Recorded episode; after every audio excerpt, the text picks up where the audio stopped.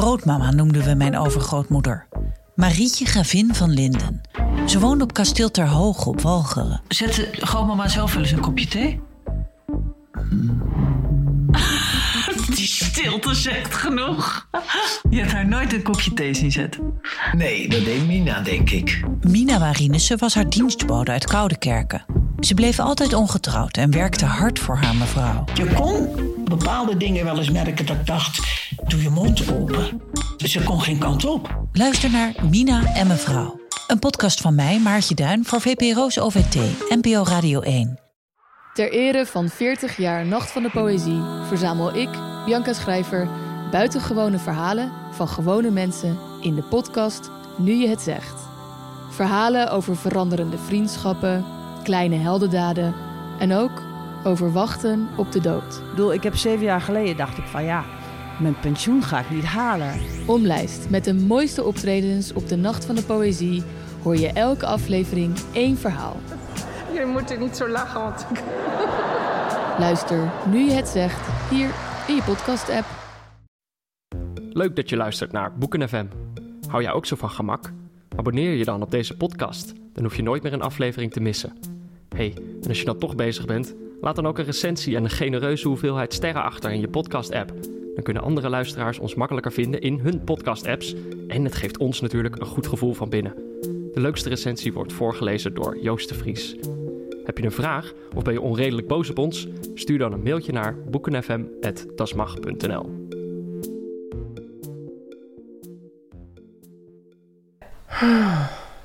zit er helemaal doorheen, jongens. Is het helemaal ik kan niet doorheen? meer, ik zit er helemaal doorheen. Jullie, jij of Peter? Ik, ik trek de boot wel hoor. Te kar. Whatever. Nee, valt eigenlijk wel mee. Jammer. Ik had hem graag getrokken.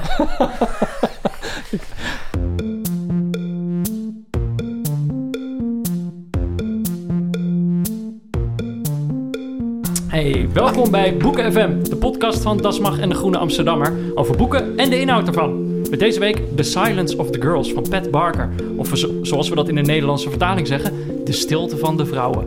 Wie kent de verhalen niet over Troje, over Paris en Helena, over Priamus en over Hector die door Achilles achter een strijdkar wordt gebonden en drie keer rond de stad gereden wordt? Ik ken die verhalen nog van Grieks, van de middelbare school. Grote Achilles, heldhaftige Achilles, stralende Achilles. Pat Barker vertelt dat verhaal, maar niet op die manier. Ze noemt Achilles bijvoorbeeld niet goddelijke Achilles, maar gewoon de slager. Ik ben Peter Buurman en ik praat vandaag over The Silence of the Girls met literair columnist van NRC Ellen Dekwits Yo. en redacteur van De Groene Joost Vries. Hallo. Hey, eh, ik zou meteen tegen de luisteraars willen zeggen, je moet eigenlijk blijven hangen tot het einde. Dan hebben we een persoonlijke mededeling. Ja. Gaan mensen dan niet doorspoelen gewoon naar het einde meteen? En dan gewoon deze dat mag niet. Nee, nee. bij deze heb ik gezegd dat dat niet mag. Dus dat gaan ze niet doen. We hebben best wel belangrijk nieuws. Ja. Ja. Ingrijpend nieuws. Het is heel persoonlijk. Het is, en het Ja. is geen grapje. Nee. Was, was het maar een grapje? Hoe, ja, was, het maar, een grapje? was het maar een grapje. Oh, Ja. jongens. Klopt, Ja. klopt, klopt. Jongens, Eh, jongens. goed. Maar voordat we, dat, eh, voordat we naar de persoonlijke dingen gaan, toch eerst het boek. Eh, nee, eigenlijk niet eerst het boek. Eerst de Oh, auteur, zoals we oké. dat altijd doen natuurlijk. Pat Barker. Pat Barker. Ehm, want ik zou eigenlijk... dit als luisteraar zou ik dit niet aankunnen, hè? Dan denk ik van, wat gaat nou in godsnaam voor Ja. persoonlijk iets gebeuren? Nou ja, nee, ja, Moeten we het niet gewoon zeggen, Is, jongens? nee, nee, gewoon dat is leuk. Dus Nee. ze zijn met z'n drieën aan tafel. Hebben ze een relatie met elkaar? Wie, wie met wie? Wat, Nee, allemaal? eh, maar, maar, maar- Nee, eh, maar eh, we gaan het over dat boek hebben. Dan ben je dat zo weer vergeten. En dan denk je op het einde denk je opeens... Oh ja, de Nee, ze persoonlijke denken er nu... Nou, lieve luister, mag ik jullie één ding garanderen. Boeken FM blijft bestaan. Dus niet zo van het Wham-gesprek, het Oké. Spice Girl-gesprek. Ja. van, eh, Van, nou ja... mis- Peter, je bent Andrew Wilty. Ik, Je, ben je bent George Jerry. Halliwell. Eh, Pat Barker. Pat Barker. Pat Eh, wat moeten we, voordat we aan het boek beginnen, wat moeten we over haar weten om dat boek beter te kunnen begrijpen? Niks, maar het is wel leuk om een beetje naar haar oeuvre te kijken natuurlijk. En Pat Barker is specialist in het beschrijven van menselijk leed, in specifio opgelopen tijdens een oorlog. Ehm, beroemd en bekroond van haar hand is de Regeneration Trilogy, waarin ze de gruwelen van de Eerste Wereldoorlog totaal eh, op inzoomt aan de hand van eh, bestaande mensen, onder andere de dichter Siegfried, Sas- Siegfried Sassoon.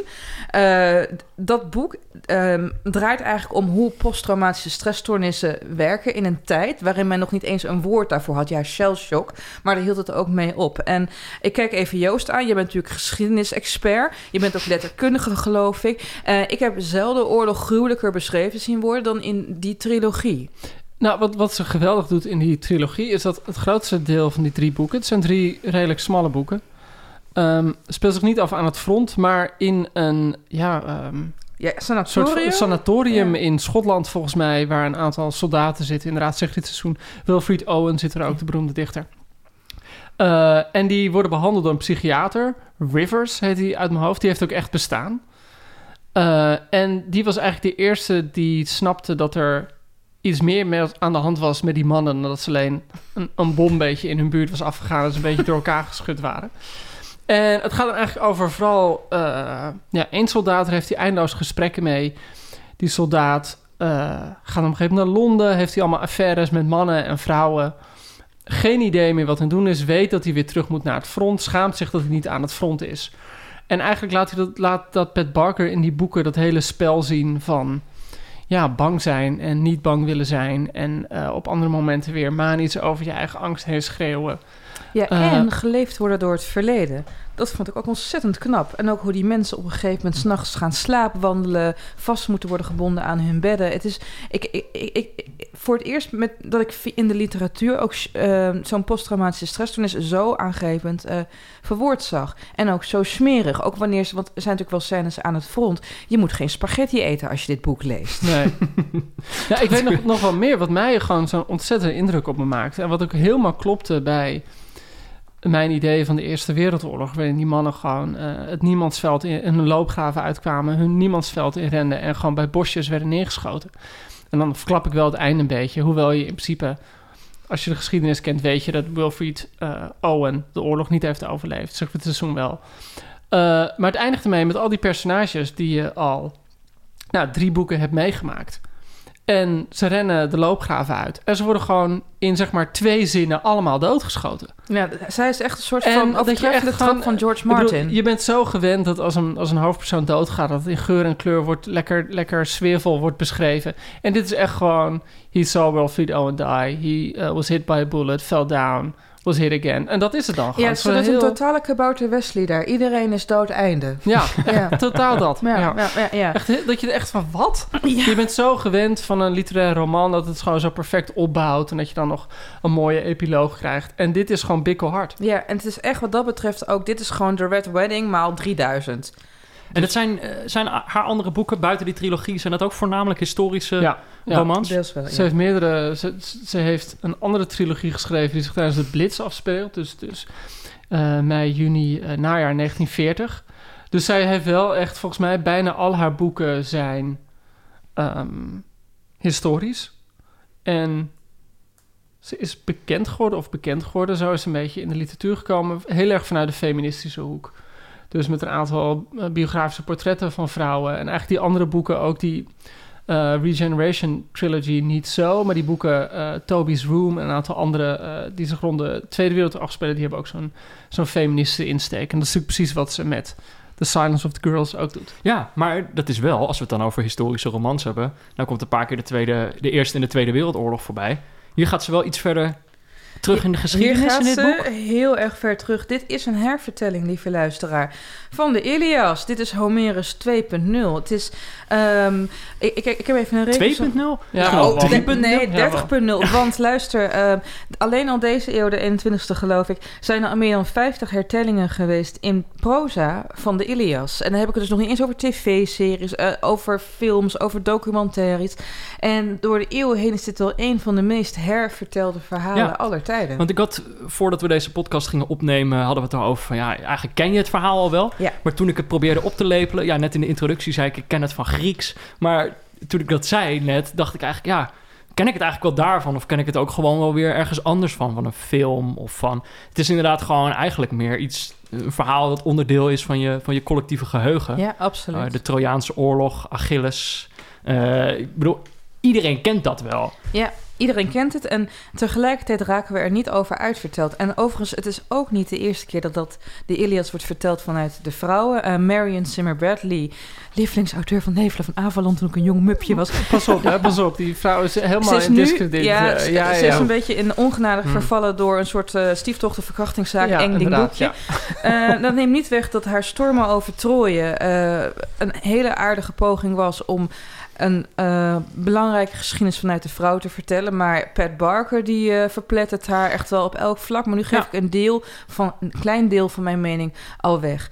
Terug naar hervertellingen. Want ik kijk even Joost aan. Dat vind ik namelijk zo leuk, Joost. Als er een verhaal waarvan we al het begin en het einde kijken... vanuit een ander perspectief wordt verhaald... dat je een nieuwe invalshoek krijgt. En zo eigenlijk wat ook... Hoe heet ze ook weer? Hilary Mantel doet met Wolfhal. Kijk, hè. Ja. We hebben, hebben we daar wel eens over? Hebben we haar naam wel eens laten vallen? een Brits in de- schrijfster, Brits Hilary Mantel.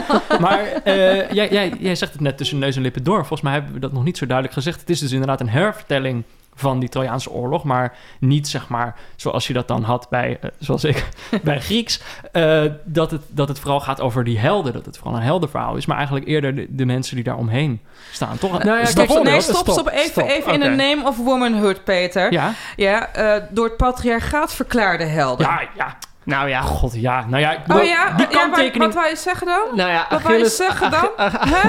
Ja? Achilles is een held, los van het patriarchaat. Eh, hij is het gewoon. Kan je, daar kan je, Zijn helden staat te danken Ik aan het feit dat hij door mannen op een sokkel is gegeten. Willen we deze discussie bij Nou, Boeken nee. FM hebben of zometeen bij Kutjes FM? Ja, wil Ik wilde gewoon... Ja. Kijk, het was niet een soort eh, persoonlijke kwalificatie. Oh, oké, er hangt geen poster van Achilles boven mijn bed. Maar meer gewoon, zeg Van maar... Ajax. Het is meer wel hoe het in het... Als we het dan toch hebben over het collectieve geheugen... Daar zit het wel als een soort heldenverhaal. Toch Achilles die, Dat die ten waar. strijde trekt voor de... Dat is waar, Peter. Laat, laat ik het zo zeggen. De, de, de Ilias begint... De eerste zin is zoiets van... Zing muze over de wrok van Achilles, Peleus' zoon. Nou, dat is zeg maar het begin, wordt heel vaak door mensen gezegd... van de westerse cultuur. Of in ieder geval de westerse literaire traditie. En waar, is, waar heeft Achilles die enorme wrok over? Dat zijn chickie is afgepakt. Namelijk, we beginnen eh, in medias res. Dus eh, de, de Trojaanse oorlog is al jaren bezig. En inmiddels hebben de, de eh, Grieken hebben allemaal eh, ja, stukken van de stad, nou niet van de stad, maar van de omliggende gebieden beroofd. Ze hebben tempels geplunderd en ze hebben daarbij allemaal slavinnen gemaakt. En Achilles heeft zijn eigen slavin, Briseis. En ehm, Gaan we het zo uitspreken vanaf nu? ja, ik weet niet. Moeten we dat- Briseus? Brisee? Dat is- in mijn hoofd zei ik Briseus, Ja, Briseus, ja, Briseus. Ik weet het niet precies.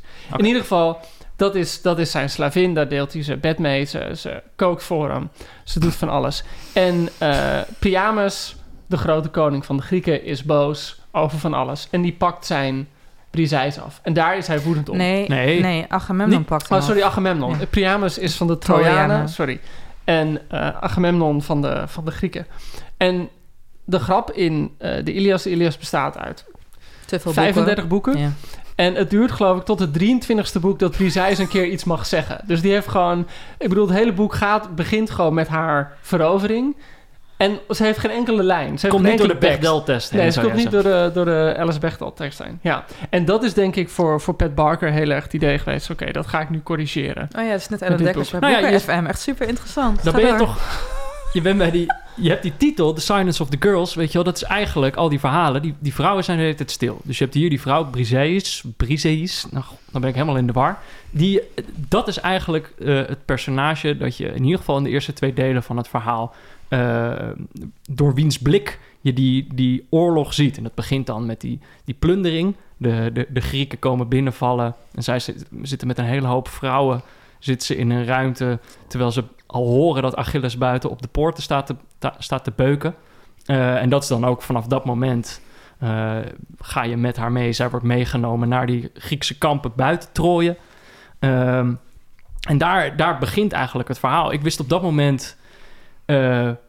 wist, ik, wist ik eigenlijk... Ik vind het wel grappig dat jij dat zegt, Ellen. Van je weet precies waar het naartoe gaat. Ja, dus ik zat niet. toen echt zo te lepelen. Dacht ja, maar wat gebeurt er dan? idee, aan- Peter? nou, wel, wel een idee. Ik bedoel, zoals ik al zei, ik had die verhalen. Iets met kidnapping en dat was het dan. Nee, maar gewoon meer dat je dacht van, oh hoe gaat het zich precies uitspelen dan? Ah, ja. En hoe, hoe, gaat, hoe gaat Pat Barker dit precies vertellen? Ik, ik zat op dat moment, wist ik nog niet precies eh, welke kant zij op zou gaan. En dan is het op een gegeven moment, dat is denk ik rond bladzijde 100 of zo, ehm, dan roept zij een, eh, een god aan. Eh, eh, Apollo, geloof ik. Dan, zij hoopt dat het Griekse kamp getroffen zal Ja. worden door de ratten. En ik dacht eigenlijk van, ah oké, dit, dit is een beetje de... Dit is wat we, wat we nu gaan krijgen. Uiteindelijk komen al die ratten ook. Dan wordt het verhaal heel smerig. Iedereen wordt, wordt ziek. Die, die pest komt ook in die, maar in die stad. Of in dat kamp, in Ja. die kampen. En ik dacht eigenlijk... dat het daarover zou gaan. Maar eigenlijk is die pest daarna ook alweer vrij gauw verdwenen. Ja, Aanvankelijk denk je dat het gewoon een soort van herwaardering is voor de vrouwen die destijds slachtoffer waren in dat kamp en zo. En ook gewoon om die verzwegen stem spreekruimte te geven. Maar wat mij, eh, hoe, hoe verder ik in deze roman vorderde, ehm, meer bekroop, was de parallellen die, met je, die je met de huidige wereld en wat we weten van de huidige oorlogswereld kan trekken. Bijvoorbeeld, dit, dit- deze roman verscheen, ik geloof herfst 2018. Afgelopen jaren zijn ontzettend vaak die berichten van Yazidi-meisjes die in handen van IS Ja. Mhm. zijn gevallen. En eh, op een gegeven moment, ik, en ik, ik pak even, ik heb er een stuk ook eh, eh, vertaald. Even kijken hoor. Ehm, moment hoor, dat duurt eventjes, maar ik heb echt... Ja, Ja, de luisteraars Ja. hebben geduld. ja, wat zullen ze van ons vinden, vraagt Brisset zich op een gegeven moment af. Al die mensen in onvoorstelbaar verre tijden die over ons lezen. Eén ding weet ik zeker. Ze willen niets weten over de brute, de brute realiteit van overwinning en slavernij. Ze willen niets horen over de massaslachtingen, het tot slaaf maken van vrouwen en meisjes. En ze willen niet weten dat wij in een verkrachtingskamp leefden. En Ja, volgens mij is ik heb dat deze de ook opgeschreven. Echt, ja. En dan staat ze, nee, ze zullen er iets veel milders van maken. Een liefdesverhaal misschien, ja. zoals, eh, zoals Joost zojuist deed. Eh, ik hoop maar dat ze eruit kunnen opmaken wie de geliefden waren.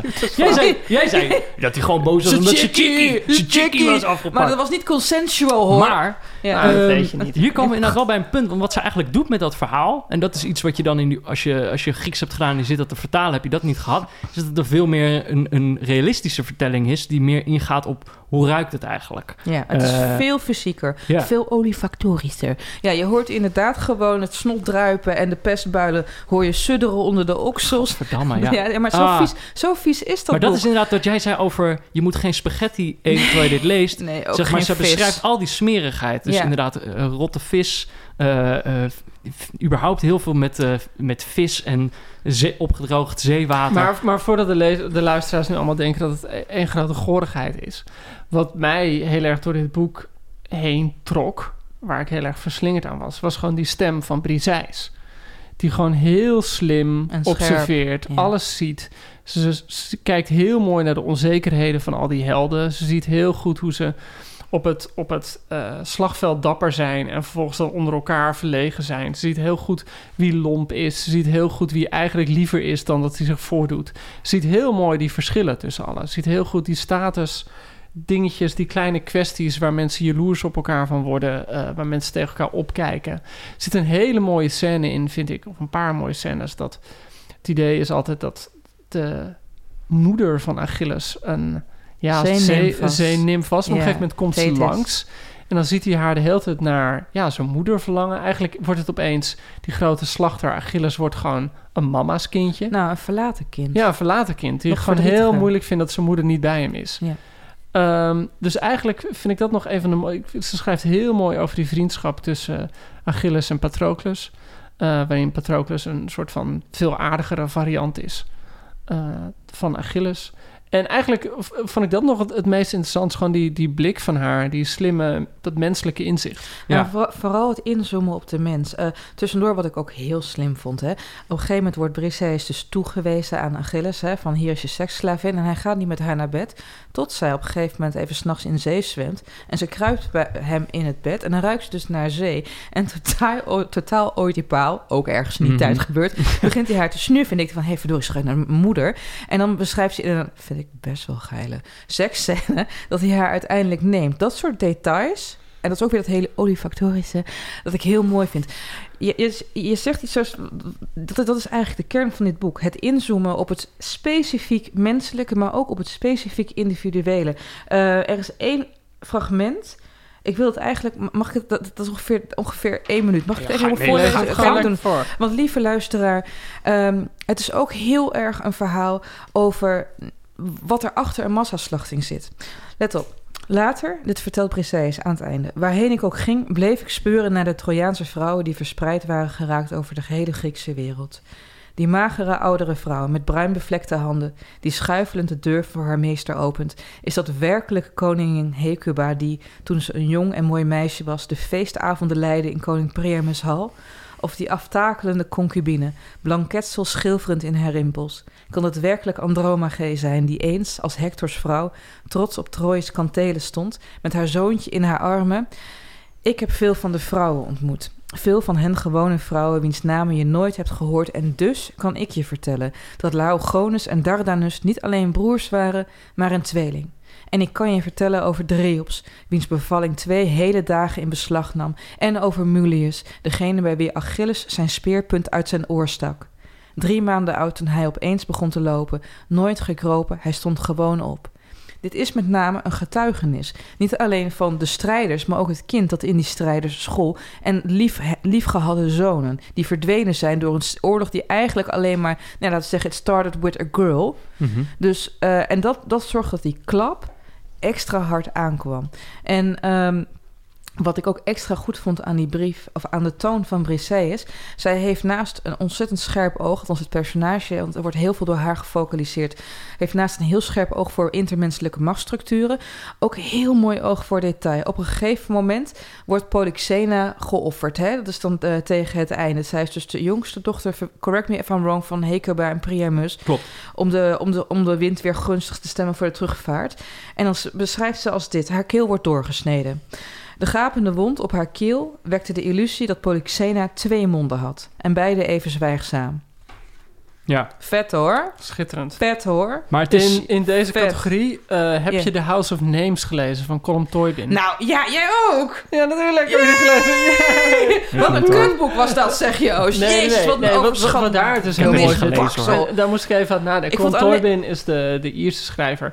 En, eh, De eerste schrijver, want we de- hebben de verder eerste geen schrijvers, Seamus ja. Haney en zo, Ja. weet je wel. En ehm, die begint zijn boek, het zijn eigenlijk drie lange verhalen, eh, met hoe, hoe Agamemnon voor aanvang van de Trojaanse oorlog zijn dochter Iphigenia. eh, offert. En dat is dan geschreven, is het nou vanuit Iphigenia of vanuit de moeder geschreven? Het is, het is deels vanuit eh, Elektra, het is deels, van, Oh ja, deels vanuit zus, Orestes ja. en volgens mij deels over de schouder van Clytemnestra. En dat vind ik zo mooi dat die dochter hem dan als het ware aanmoedigt om het te doen. Van oké, doe het maar pap, het moet, ik snap het. Ja. En hem als het ware, ja echt, eh, ja, ander boek dan dit boek, maar echt Veel ook eh, geweldig. Niet ja. lezen, ongelijk. Nee, zonder gekheid. Eh, maar maar, maar als, als je die twee boeken met elkaar ge- vergelijkt... Ik zat er hier... Dit, Ja, dit was ja, veel meer op de huid. En mag ik een voorbeeld geven van de vreedheid? Hè? Op een gegeven moment, dat weten we allemaal... Dit is geen spoiler. Patroclus is, is afgeslacht.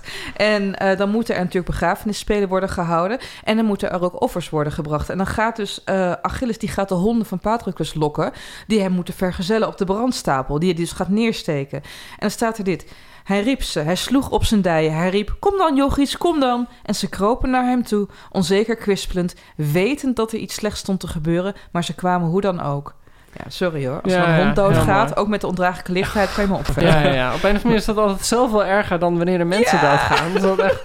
Maar het is dus het is, het is inderdaad een heel, heel eh, eh, persoonlijke en realistische blik op zo'n eh, oorlog waar je normaal eigenlijk alleen leest van en Achilles eh, stak nog iemand dood en nog iemand. Dus het is, het is, maar het is ook zeg maar een blik die je dus voorheen, het is een veel realistischere blik, maar het is ook een blik die je eigenlijk eh, nog niet hebt eh, gezien Maar op deze oorlog. nou, mag ik- Nou, kijk, maar weet je wat- nou, nou, Maar voordat jullie mij onderbreken, sorry. eh, dus de scène waarbij ik zeg maar dat idee had, waarbij het ook wel echt duidelijk werd van, oh ja, dit is wat Pat Barker aan het doen is. Dus op een gegeven moment dus die, die pest is in dat kamp en al die vrouwen moeten al die gore lichamen schoonmaken. En dan is op een gegeven moment een wat hoger geplaatste man, die, eh, die, die is dan geveld door de pest. En dan staat, staat er een hele groep mensen staat dan te spreken Ja. over wat er met zijn lichaam moet gebeuren. En dan eh één voor één verlaten al die mannen dan die ruimte weer. En dan al die vrouwen zijn heel eh, ernstig. Van, ja, het is inderdaad heel erg wat er deze, met deze man is gebeurd. en, en dan zeg maar op het moment dat al die mannen de, de ruimte uit zijn... en die vrouwen alleen zijn met dat dode lichaam dat ze moeten balsemen... dan pakt een van hen pakt zo die piemel en gaat ze er zo mee zwaaien. en dan moeten ze allemaal keihard lachen. ja. Ehm, dat was eigenlijk het eerste moment dat ik dacht van... oh ja, dit is gewoon eh, een stem die, die, die buiten beeld gelaten is... maar het is ook zeg maar een...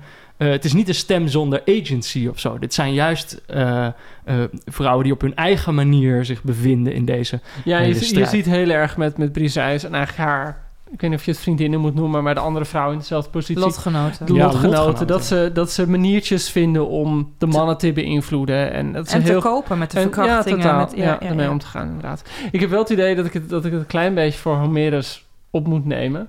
In de zin dat, nou goed, Homerus heeft natuurlijk nooit bestaan. Is het idee, het is, het, ik bedoel, het is, die verhalen gingen duizenden jaren rond, werden bij kampvuren verteld. Eh, er was een soort van officieuze kanon en nou, dan kwam je in de tenen bij elkaar. Het duurde geloof ik zes dagen om het helemaal te vertellen. Later is het pas een keer opgeschreven. Dus klassici denken, er is niet één iemand geweest die dit verzonnen Ja. heeft. Enfin, maar in ieder geval, ik weet niet of je de tekst wel eens gelezen hebt. Het is een heel gevoelige, zielige tekst. Het gaat heel erg over rouw. Het gaat heel erg over heimwee. Het gaat heel erg over eenzaamheid. Ontzettend beeldend trouwens. Ontzettend Stilistisch beeldend. fantastisch. Eh, ja. Je moet denken aan Patroclus, dat ze dan eh, de begrafenis hebben. Hoe gewoon al die mannen daar staan te huilen. En dan wordt zo heel mooi beschreven dat op, op Achilles na niemand huilt om Patroclus, maar iedereen huilt om wat ze zelf hebben achtergelaten. Heel mooi gedaan. En het eindigt natuurlijk, dat wordt altijd gezien als, als misschien het hoogtepunt van de, van de wereldliteratuur, dat, dat eh, Achilles Hector heeft gedood en dat lichaam heeft meegesleept. En dat dan Priamus, de koning van Troje, door de linies heen komt en hem smeekt eh, om zijn zoon terug te krijgen. Maar daar, daar, daar gaat Pat Barker op, op een gegeven moment ook met zo'n heerlijk, Heerlijk. gestrekt been in. Want de, de tekst die Priamus bij, eh, eh, bij eh, God Homerus letterlijk zegt... en ook overgenomen is door Ja, Pat er Barker... is. Zie mij, eh, ik ben de eerste vader die de handen van de moordenaar van zijn zoon kust. En dan zegt eh Briseis verderop, eh, zie mij, ik ben een van de zoveel vrouwen die haar benen spreidt voor de moordenaars van haar Ja, vader ja, en broers. Ja, Ja. ja. Ja, precies. Ja. Ehm, ja, ik zit, we zitten de hele tijd tegen iets aan te hikken. Maar ik denk Ja. misschien moeten we eerst een, een, een, eh, een, een lezersvraag doen. Een lezersvraag. Eh, een luisteraarsvraag, Een sorry. luisteraarsvraag. Hebben we Sorry. die? Eh, luisteraarsvraag. Ja, we hebben er eentje, maar ik dacht misschien moeten we die eerst doen. En Hebben dan voordat één? we zeg maar- uithikken. Ja, dan gaan we dat eruit hikken, ja. Hey, superleuke podcast. Ook door een Vlaming wordt hij gesmaakt. Ik las net Vrije Val, het debuut van Saskia de Koster, en was erg verrast aangezien het een heel andere stijl heeft dan haar recentere romans. Ook bij Jeroen Olieslagers viel me op dat ik zijn recentere werk, Wil, veel aangenamer vind dan zijn oudste werk. Ik vind dit wel boeiend omdat het de evolutie die een schrijver doormaakt weergeeft, of toch de buitenkant van die evolutie. Dan mijn vraag. Hebben jullie al eens voorgehad dat je het ene boek van een auteur super vond, maar toen je er dan een ander boek van ging lezen dat tegenviel? En met welke boeken dan en welke schrijvers? Alvast super bedankt. Groetjes, Ulrike. Lieve Ulrike, dankjewel voor je opmerking en je eh, eh, eh, vraag. Ik had het heel sterk. Ik heb met twee schrijvers enorm sterk gehad. De eerste is Michael Cunningham. De Hours. Prachtig boek, ook verfilmd met Nicole Kidman met de nepneus, met de wassenneus. En dat gaat heel erg sterk over waarom zou je jezelf in leven houden. En zou je jezelf in leven moeten houden als er geen anderen meer waren. Ehm, het boek gaat over tijd. Het boek gaat over Virginia Woolf. Het is fantastisch. Toen kwam er een roman Specimen Days... waar robots die Emily Dickinson citeren de hele dag door... en een kindje dat Walt Whitman uit zijn hoofd kent... en in 1830 in de fabriek werd. Nergens op slaat. Het is verschrikkelijk. Je hebt meteen ooghernia als je het leest. Afschuwelijk. Dus dat is allereerst de grootste teleurstelling. De tweede teleurstelling is... en we hebben dat boek al vaker hier genoemd... Jennifer Egan schreef Bezoek van de Knokploeg, Visit from the Goon Squad. eh, ook geheeld als een van de beste romans van de afgelopen eeuw. En vervolgens kwam... Ik ben echt even... Weet jij dat? Hoe heet het? Dat, wat- Manhattan Beach. Manhattan Beach, kan dat? Ja. Dat is, dat is gewoon waar eh, Visit from the Goon Squad... een soort van eh, polystructurele vertelling is. Eén hoofdstuk is zelfs een PowerPoint-presentatie. Zo lekker bezurk gaat zijn. Is, ja, Manhattan Beach is een soort van... Ja, gangster-thriller in een belabberde stijl. En je bent het aan het lezen en de eerste 400 pagina's... want het is een heel dik boek... dan denk je, nou, het, het zal wel ironisch zijn. hè? En dan is het boek uit. En dan heb je toch het gevoel alsof je een hap van een lauwwarme kroket hebt genomen. Hmm. Weet je wel? Of dat je eindelijk met iemand naar bed gaat... en dan blijkt hij een micropenis te hebben gehad. Of noem maar op. Weet je wel, Merel, jij weet wat ik bedoel, hè? Mer- Merel schudt heel heftig ja. Ellen, ik weet wat je bedoelt.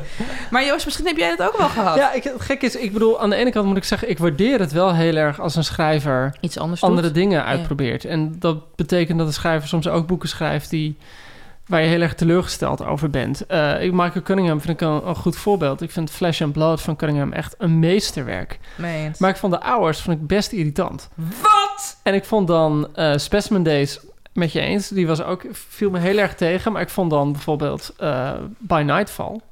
Vond je die echt Ja, goed? die vond, die, ja, ik weet dat ik de enige ben. Maar die vond ik dus heel goed. Is dit nou Wernicke Eh, afgezien? maar je hebt bijvoorbeeld ook met, nou kijk, met iemand als Tomezen, die eh, heeft een aantal waanzinnig mooie boeken geschreven. En dan opeens komt hij met J. Kessels. En, dan denk, en soms heb je dan zo'n frustratie dat je denkt van nee, ik wil niet dat je dit schrijft. Mhm. Eh, maar ik heb het ook met, ik bedoel, Notenboom heeft een aantal echt van mijn lievelingsboeken geschreven. En ook boeken geschreven waar ik totaal niet in kan komen. Titels, Joost, titels. AFTH heeft boeken geschreven Geen die ik geweldig dus. vond. En andere boeken waar ik gewoon gillend gek van werd. Mhm. Hey, maar is dat dan alleen een, een kwestie van smaak? Want jullie zitten net alweer van, van smaak te, te verschillen over, eh, over dezelfde boeken. Maar Of, of kan het ook zeg maar zijn... Ik heb soms het gevoel dat...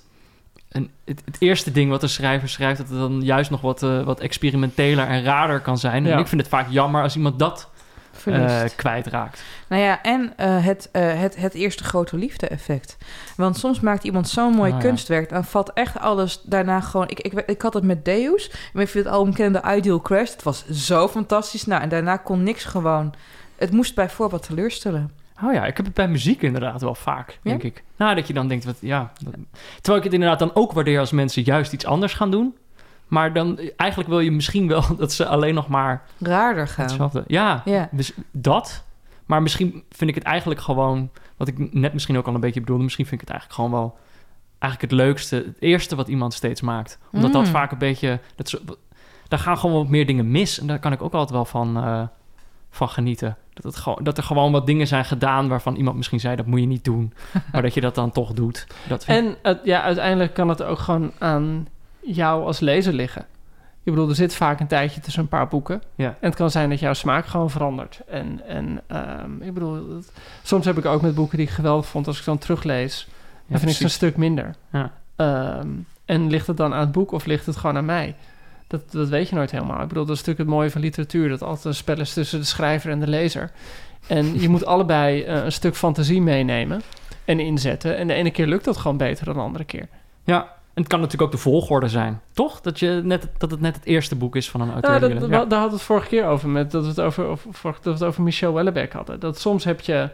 Is het ook puur welk boek lees je het eerst van een Ja. schrijver? En dat kan Ja. dan zo'n indruk maken. Of het- verpesten. of verpesten. Ja. En, en dan weet je al, dan, hè, en dan ben je een soort van gekneed en voorbereid. En als er dan iets anders komt, ja, dan valt het misschien tegen. Terwijl als je het omgekeerd had gelezen, Ja. eh, was het weer heel anders geweest. Nou, Ulrike, ik hoop dat dit eh, een voldoende antwoord was eh, op je vraag. hey, dit was trouwens de enige vraag die we deze aflevering eh, hebben Ja, gekregen. what the fuck, luisteraars? Kom op, eh, er mag wel wat meer gemaild worden. mag wel wat meer gemaild worden. Dat kan, als je dus ook een luisteraarsvraag hebt. Eh, dat kan naar boekenfm.dasmag.nl. Echt, En hoe meer dan, jullie mailen, hoe minder wij hoeven te praten. Dus dat, dat scheelt ook gewoon erg. Hey, zullen we dan nu gaan waar, waar we tegenaan zaten te Ja, of ik in ieder geval. Ik kan niet voor jullie spreken natuurlijk. Het is een beetje... Kijk, dit boek zou je kunnen samenvatten... zoals ik dan net deed. Dan zeg je, oké, het is een, eh, eh, eh, een alternatieve geschiedenis... van dat verhaal dat we allemaal kennen. Maar dan vanuit de blik van een vrouw. Maar dit is niet wat het hele boek is. Namelijk in deel 3, als ik het goed heb... komt er opeens een andere blik bij. Namelijk eh, die van Achilles. Eh, die op dat moment al heel veel hebt meegemaakt. Dus een beetje een ruwe, onbeholpen... eh, gewelddadige, maar ook toch ook misschien soms best wel een vriendelijke man, of een beetje een mysterieus figuur. We gaan op een gegeven moment ga je ook zeg maar zijn perspectief in. Ik weet nog niet helemaal wat ik daarvan vond, Ja, nou, van echt- dat perspectief. De feminist in mij ervoer dat echt als een klap in mijn baarmoeder. Oh, Ik vond het echt gewoon... ehm het doet niets... Ik bedoel, nog steeds is het Pat Barker, nog steeds is het heel mooi geschreven. Maar opeens had ik het gevoel... dat ik dacht van, oh wacht, ze kan niet zonder Achilles. En ze wil wel het verhaal van de vrouwen vertellen... maar Achilles is zo'n heldere ster. Het is zo'n grote figuur. Je kan niet om hem heen. Nou Joost, ik krijg om andere reden uterale pijn van deze roman. Het heeft volgens mij niet zozeer te maken met dat ze niet om Achilles heen kon... maar bepaalde scènes waar konden gewoon technisch gesproken geen vrouwen bij geduld worden in dat boek. Dus ze moesten af en toe wel focaliseren via Achilles. En wat ik, ik het idee had, is dat ze via hem toxic mas- masculinity showde. Ook hoe zijn eigen vader hem opvoedde en boos werd als hij niet genoeg ja, zich bekwaamde in de krijgskunsten en zo. Ook gewoon het juk, wat eh, Achilles zijn eigen juk van het Achilles zijn, vanaf zijn geboorte eigenlijk al, die verwachtingen en zo. Dat vond ik echt een meerwaarde ervan. Dus ik kreeg geen baarmoederpijn. Nee, nee, maar voor mij, ja, voor mij ging het dus niet om... eh, niet dat ik het slecht geschreven vond. Ik vond dat ze inderdaad, wat jij ook al zei, Peter... Ze maakt alsnog een heel mysterieus figuur van hem. Eh, inderdaad, precies wat jij ook zegt. Je ziet echt de lange lijn van zijn opvoeding. Je ziet het gewoon misgaan. Eh, je ziet gewoon iemand die... ehm, Nou ja, zo duidelijk ja. leeft met een idee... ik heb een bepaalde lotsbestemming... en alles in mijn leven moet daartoe ten doel staan. Ehm, maar voor mij had ik even het gevoel van... wauw, ze kan dit verhaal dus niet alleen vanuit de vrouw vertellen. En, en dat was natuurlijk... ja, eh, daar begon het boek mee. Dat was de premisse. Dus opeens dacht ik... ja, de premisse is dus niet vol te houden. Ja, en ik, maar wat ik dus echt had, ik kwam er echt niet helemaal uit waarom ze dat dan gedaan had. Ja, jij zegt het is echt, eh, Ellen, jij zegt het is gewoon een soort praktische. Nou, techniek en toxic masculinity. Dat is ook dat, nou, nogmaals, de rol waarin je vanaf je geboorte Ja, vastzit. maar toxic masculinity kon ze ook vertellen vanuit de blik van een vrouw, zeg maar. Ik bedoel, dat zit in die eerste twee delen ook. Dan denk je ook, Absoluut. wat zijn die gasten Absoluut, eigenlijk? Wat is Odysseus eigenlijk een sukkel? Maar niet het leed, het interne leed dat dat veroorzaakt. Dat kan je alleen maar doen Ja. door te focaliseren vanuit een man. En is het misschien, dat is eh, een ander ding wat ik dacht. Kijk, hij verliest natuurlijk eh Patroclus. Ja. Zijn, eh, zijn, zijn beste vriend verliest hij in de strijd. Nou goed, ik, ik wou zeggen, we weten allemaal hoe dat gegaan is. Eh, maar dat is natuurlijk het moment dat Patroclus zijn eh, wapenaanrusting, eh, Ja, uitrusting voor de aantrekt. duidelijkheid, Achilles wil niet meer vechten met de Trojanen. Eh, want hij heeft ruzie met eh Agamemnon. Briseis is afgepakt. Ja, precies is afgepakt. Eh, Patroclus is jong en een stuk onervaren en heel eager. En die pakt dan de strijduitrusting, het geweldige harnas van Achilles. Trekt ten strijde, maar is natuurlijk niet Achilles. Hij is lang niet zo sterk en eh, sneuvelt. Ja, dus er is, dus er is een soort, eh, bij die dood, Achilles voelt daar een soort schuld over. Heeft natuurlijk ook überhaupt uh, ook om zijn vriend. En ik dacht dat misschien ook wel dat eh, een van de redenen was om dat te gebruiken. Om zeg maar, kijk, die vrouw heeft ook genoeg om over te, te rouwen, aangezien al haar broers zijn vermoord door Achilles. En dat ze dat heeft zien gebeuren. Maar daar zat voor mij wel dan nog de kracht in die delen met Achilles. Juist, zeg maar, hoe dat dan werkt, dat verdriet. En misschien wel inderdaad, wat jij zegt, Ellen, hoe dat werkt bij een man die niet gewend is om, om over zijn gevoelens te praten. Achilles kon niet over zijn gevoelens praten. Ja, maar er is ook zoiets heel pijnlijks in. Dat vond ik zo heel... Dat dan na de dood van Patroclus komt hij bij haar in de tent... en dan wil hij seks met haar. En ze beginnen met de seks. En ze merkt gewoon dat hij eh, geen erectie kan krijgen. Dat hij eigenlijk te verdrietig is. En dan is ze alleen maar in paniek... omdat ze denkt van... hij, hij gaat dit op mij Ja. Het is gewoon zo'n pijnlijk idee... Dat, dat je eigenlijk een soort van je verkrachter moet helpen... omdat... Ja, het anders eh, ben je nog eens dubbel de lul. Ja, en ook, eh, ik weet niet hoe het met jullie staat, maar Pat Barker zet Patroclus zo goed in de verf. Je Ja, je ja. je ik was ook super sad toen. Weet je, wel, Ja, en, opeens begreep ik, kreeg ik ook, je wel, ik, ik lees natuurlijk als feminist, maar ik kreeg ook een soort van extra liefde voor het personage Achilles. Ja, ja, Ja, ja. het werkt heel, heel, goed. heel die, knap gedaan. Dat, dat Ja. duo werkt heel goed. Omdat Achilles dus Ja, inderdaad... Bert een- en Ernie. Is gewoon een beetje... Is, is gewoon een lul. Terwijl Patroclus is net die wat vriendelijkere gast... waardoor je ook dichter bij Achilles kan Ja, en, zo brengt het uiteindelijk Achilles ook dichter bij Briseis. Omdat. Achilles weet dat Briseis een goede band met Patroclus had. En hij weet dat zij ook om hem rouwt. Ja. Ja, ik vond... eh nou ja, ik weet niet. Ik vond toch... Ik weet niet. Ik, ik, was daar, ik, ik wist toch niet wat ik helemaal mis, moest met die, eh, met die hoofdstukken. Ehm, Nou, ja, ik, ik, snap, ik, ik, bedoel, ik snapte gewoon het nut van de hoofdstukken, daar niet van. Maar het was, het was wel, ik zat zo lekker in Briseis, dat, dat, dat hoefde van mij niet Achilles ook. Ja, Achilles ook. Ja, ja. zijn er nog dingen die jullie echt kwijt moeten over dit boek? Ben ik iets Ik vergeten? het begin, de eerste twee hoofdstukken, ehm, dat begint gewoon dat zij in de stad is. Eh, de, of nou, ze is dus niet in Troje, maar in een, een stad er vlakbij. De Grieken komen eraan. Dan krijg je die belegering van die stad. Die stad valt. Ze ziet hoe eigenlijk haar familieleden worden. Zo vlucht ze over de stadsmuur. En ze weet dat ze gegrepen worden. Dat zat ik echt te lezen. Een soort van juichend. Dat ik dat las echt met het idee... Dit is zo goed. Wat een heerlijk boek. Dit is zo... Dat je echt helemaal blij bent van... Ah, en dat heb ik met dit boek wel echt gehad. Loop ik een beetje op, me, op, de, op de zaken vooruit. Eh, maar dat, zo'n boek dat je echt zin hebt van... Oh yes, vanavond kan ik weer verder lezen. Nou, precies. Ik, ik, la- ik, ik ontdekte dit boek. Ik, ik, eh, ik was in de boekhandel een beetje aan neuzen. En ik las de eerste Alinea. En toen was mijn, was mijn boekhandelgenoot. Die zei, ja, we moeten nu haasten. We moeten naar X. En toen heb ik het boek niet gekocht. En ik heb dus een hele dag een soort van heimwee. Ah. Ik heb lopen lacteren om dit boek. En die openingspassage, mag ik hem even... Want, jij parafraseerde Ja, ja, ja, hem net, eh, Peter. Maar Ga je gang. ik heb hem vertaald. Een grootse Achilles, briljante Achilles, stralende Achilles, godsgelijke Achilles. Ach, hoe de grafschriften over elkaar heen buitelen. Maar wij noemden hem bij geen van deze namen. Wij noemden hem gewoon de slager. ja. Over vertalingen gesproken. Wat vinden wij van de Nederlandse titel? De het- stilte van de vrouwen. in plaats van The Silence of the Girls. Ik begrijp waarom ze de vrouwen hebben gedaan. Ja. Want eh, een deel van de narratieven hierin is niet gebaseerd op Homerus, maar op Euripides' Trojaanse vrouwen. Hè? Hoe het met eh, Hecuba, Andromache en eh, volgens mij Cassandra Ja. verder gaat. Maar ik vond het toch.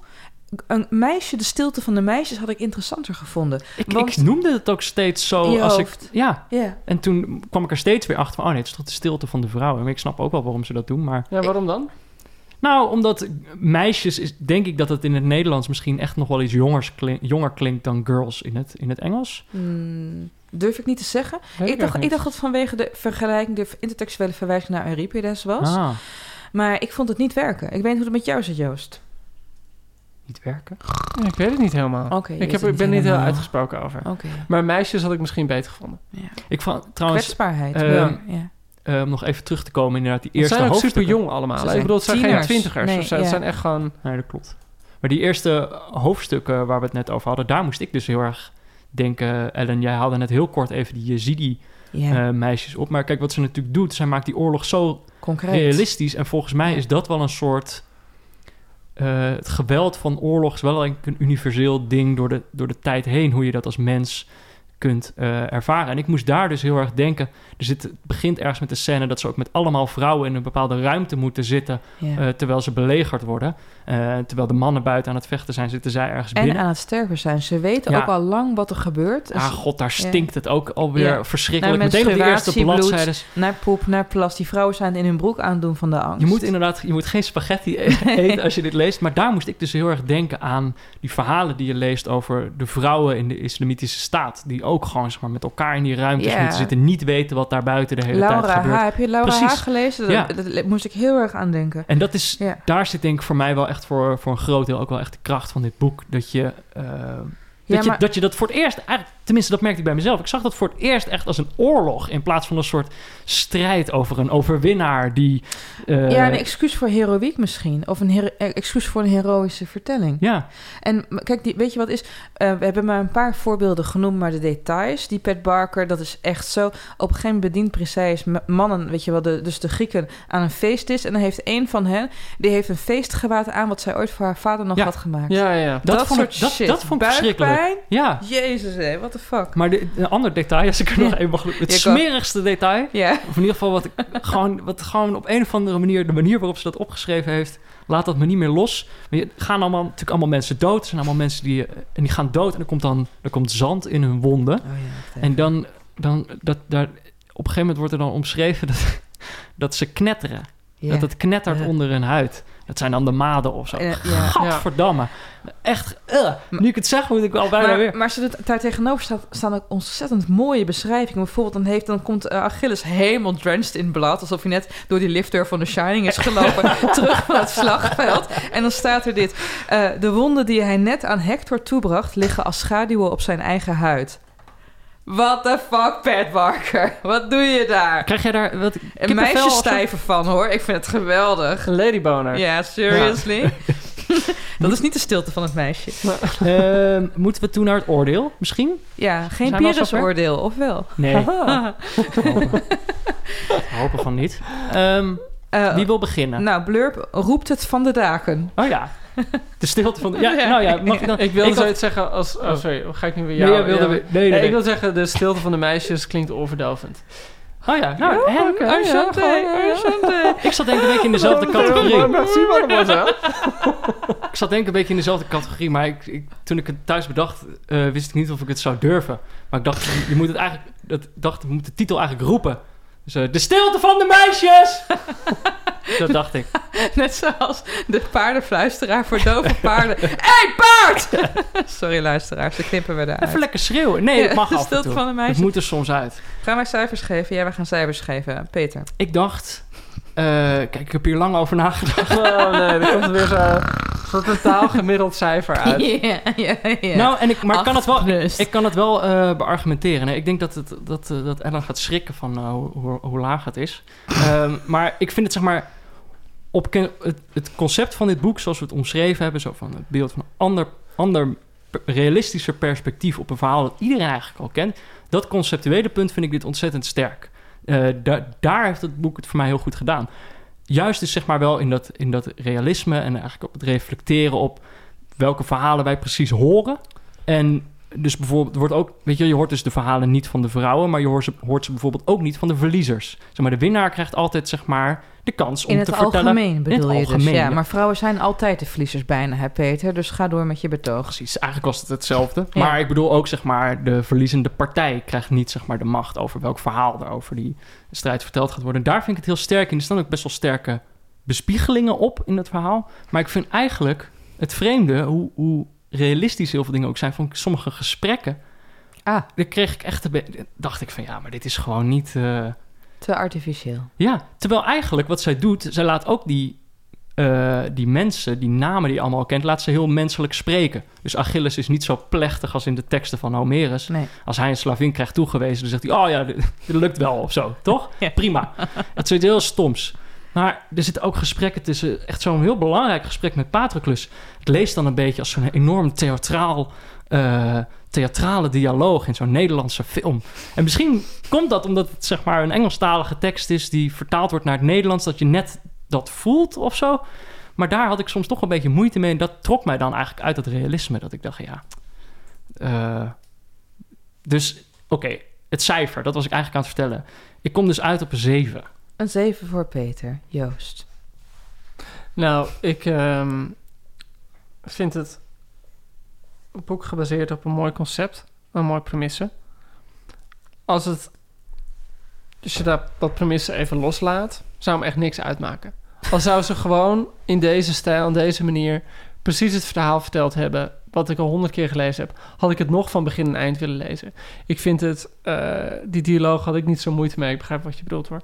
Uh, maar ik vond het echt een superieure stijl. Ik vond poëtisch heel mooi, ontzettend beeldend.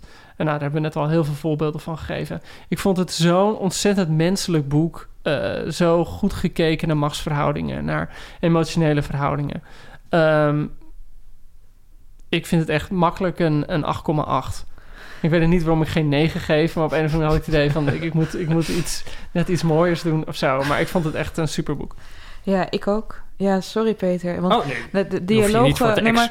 Uh, nee, de dialogen stoorden mij niet. Maar nogmaals, uh, toen ik het voor de eerste keer las... en dan ben je eigenlijk meteen verkocht, was het in het Engels. Ja, um, ja Joost heeft ook de Engels. Ik vind de metaforen vind ik fantastisch. De, uh, de urgentie.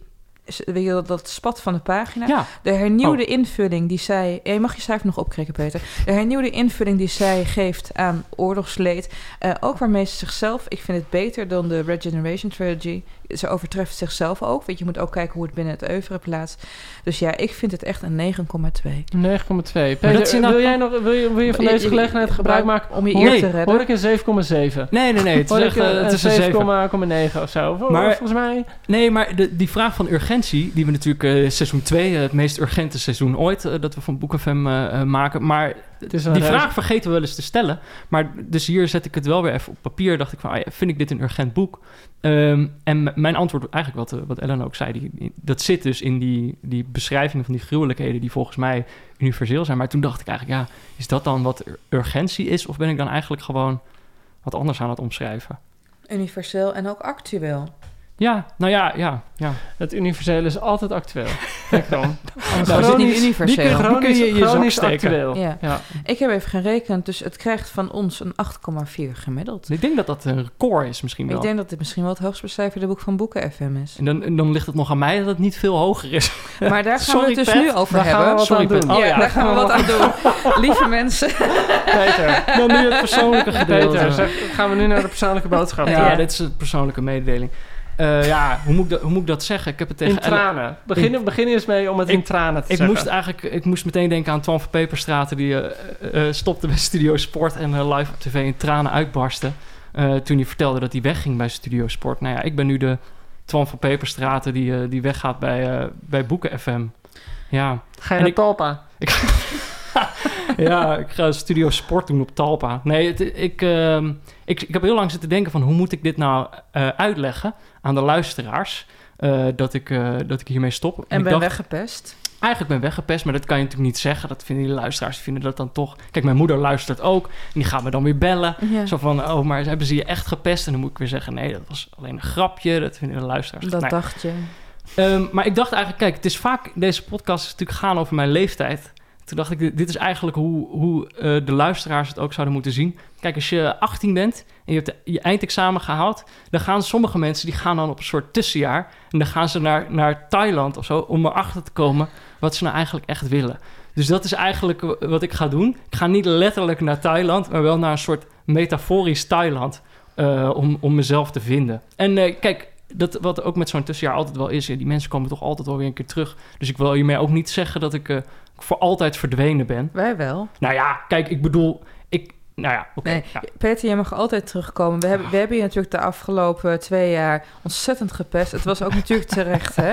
Maar we, we, we, zijn heel blij, althans wij, niet de luisteraars... wij zijn heel blij met je aanwezigheid hier geweest. Met je mening, met je eruditie. Eh, laat ik trouwens ook de luisteraars gerusten. Dit is niet het einde van Boeken FM. Nee. We zijn achter de schermen alweer heel erg op zoek...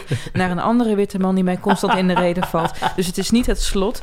Maar Peter, zonder gekheid... Ja. Eh, je zult echt worden gemist. En dit, jij bent echt de Jerry Halliwell. Hierna zal het niet meer hetzelfde zijn. Jij bent de Ginger Boeken Oh, FM. ja, nu ga ik, Je zal worden gemist. ja, ik, zit, ik zit even helemaal door. Ik wilde jullie ook Ja. nog... eh nou ben je mij alweer aan het bedanken. Toen dacht ik, oh ja, shit, ik had jullie nog moeten bedanken. Maar ja, natuurlijk bedankt Joost, Ellen en, eh, en Merel die hier ook zit. was hartstikke leuk. Ik heb er superveel van geleerd. Eh, Misschien wel meer dan, eh, dan, dan tijdens vijf jaar Nederlands. In ieder geval echt praten over boeken zal nooit meer eh, hetzelfde zijn voor mij. Dus eh, Oh, Peter. ja. En dus Joost, daarbij. heb jij nog iets te zeggen of ben je er gewoon blij mee? Nee, er is gewoon een tijd van komen en een tijd van gaan. en Peter, Peter weet ook gewoon dat dat metaforische Thailand met de metaforische eh, bananenbarren daar. Het is ook goed dat je dat bezoekt. Maar het is- Metaforische full moon parties, Ik, ja. Nou goed, eh, we hebben het hier uitgebreid ook apart over gehad.